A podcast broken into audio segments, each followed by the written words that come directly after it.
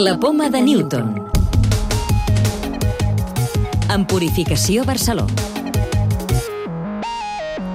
Un estudi amb participació catalana ha aconseguit identificar dos nous gens relacionats amb la malaltia d'Alzheimer. Serà el tema destacat del programa d'aquesta setmana, en el qual també us parlarem d'una recerca innovadora per estudiar millor el cervell i també de la durada dels anticossos contra la Covid-19. Investigadors de l'Institut de Recerca de l'Hospital de Sant Pau han participat en un estudi internacional que ha trobat dos gens que incrementarien el risc de desenvolupar Alzheimer.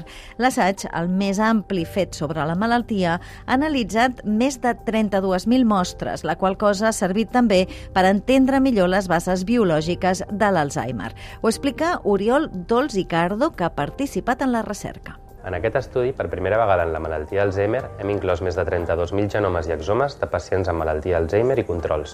Això ens ha permès estudiar la variabilitat genètica rara, aquestes variants genètiques que estan presents en menys de l'1% de la població general. Aquest estudi ens ha permès identificar dos nous gens associats a la malaltia Alzheimer. Des de l'Institut de Recerca de l'Hospital de Sant Pau des de la unitat de memòria hem contribuït aportant mostres, tant de pacients Alzheimer com de controls, però a més a més som l'únic centre espanyol que ha analitzat dades d'aquest estudi. Els dos gens descoberts podrien servir de biomarcadors per saber quines persones tenen més predisposició a tenir Alzheimer i també obren vies de recerca per intentar trobar noves estratègies terapèutiques contra la malaltia. Més coses implanten amb èxit neurones humanes al cervell de rates per influir en el seu comportament. Els investigadors han trasplantat una reproducció miniatura de cervells humans feta a partir de cèl·lules mare per tal d'estudiar en animals trastorns com ara l'autisme o l'esquizofrènia i malalties neurodegeneratives com ara l'Alzheimer. Núria Montserrat, investigadora i crea a l'Institut de Bioenginyeria de Catalunya, subratlla que aquesta és la primera vegada que els científics aconsegueixen implantar amb èxit un d'aquests minicervells humans i que s'integrin en els circuits neuronals de rates acabades de néixer. Acaben ocupant les cèl·lules humanes un terç del cervell de l'animal, no? És a dir, és una integració i un creixement, i durant aquest creixement doncs, es fan aquestes noves connexions híbrides no? entre cèl·lula humana i cèl·lula de l'hoste, que en aquest cas és el cervell de rata. Els anticossos contra les primeres variants de la Covid-19 poden mantenir-se fins a dos anys en persones que van passar la infecció i no estaven vacunades. És el resultat d'un estudi de l'Institut Català de la Salut, DIS Global i de l'IAP Gold de recerca en atenció primària. Concretament, més del 90% dels participants mantenia durant dos anys anticossos contra els cinc antígens virals analitzats. Això demostra que els anticossos generats contra les infeccions pel virus original i les variants alfa, beta, gamma i delta durarien més del que s'havia previst en un primer moment. La investigadora DIS Global, Gemma Montconill, ha participat a l'estudi. Veiem que aquells que encara no s'havien vacunat, cap al novembre de l'any passat, encara tenien anticossos detectables, sobretot del tipus d'IgG, que són els que estan relacionats amb protecció Investigadors catalans determinen per primera vegada les diferències entre dones i homes en la gravetat d'una malaltia pulmonar. Un estudi de científics de l'Institut Hospital del Mar d'Investigacions Mèdiques, l'IMIM, revela que les dones amb bronquièctasi tenen un nivell de gravetat inferior al dels homes. És una malaltia molt prevalent que es caracteritza per una acumulació abundant de secrecions als pulmons.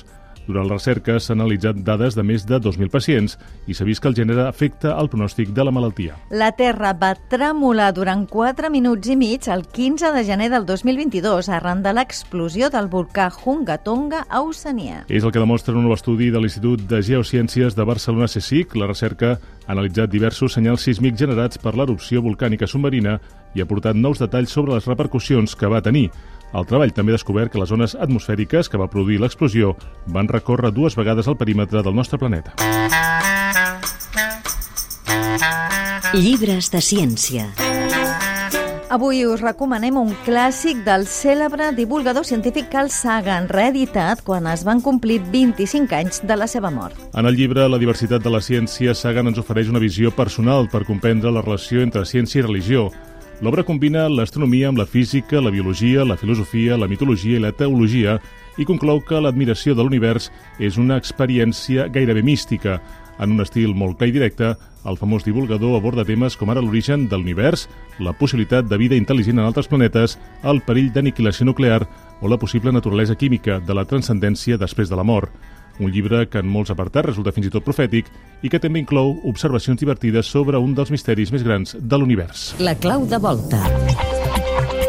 Quan serà possible controlar o curar gairebé tots els càncers de mama? Antonio Pandiella, investigador de la Fundació CRIS contra el càncer, fa aquesta previsió. Nuestro objetivo es que se elimine, pero por lo menos intentar llegar a un control, una curación de la enfermedad superior al 99%. ¿Y cuándo esperamos que esto pueda ser? Pues antes de mediados de siglo. Yo creo que entre 2040 y 2050, si las cosas siguen como están, podremos controlar la enfermedad.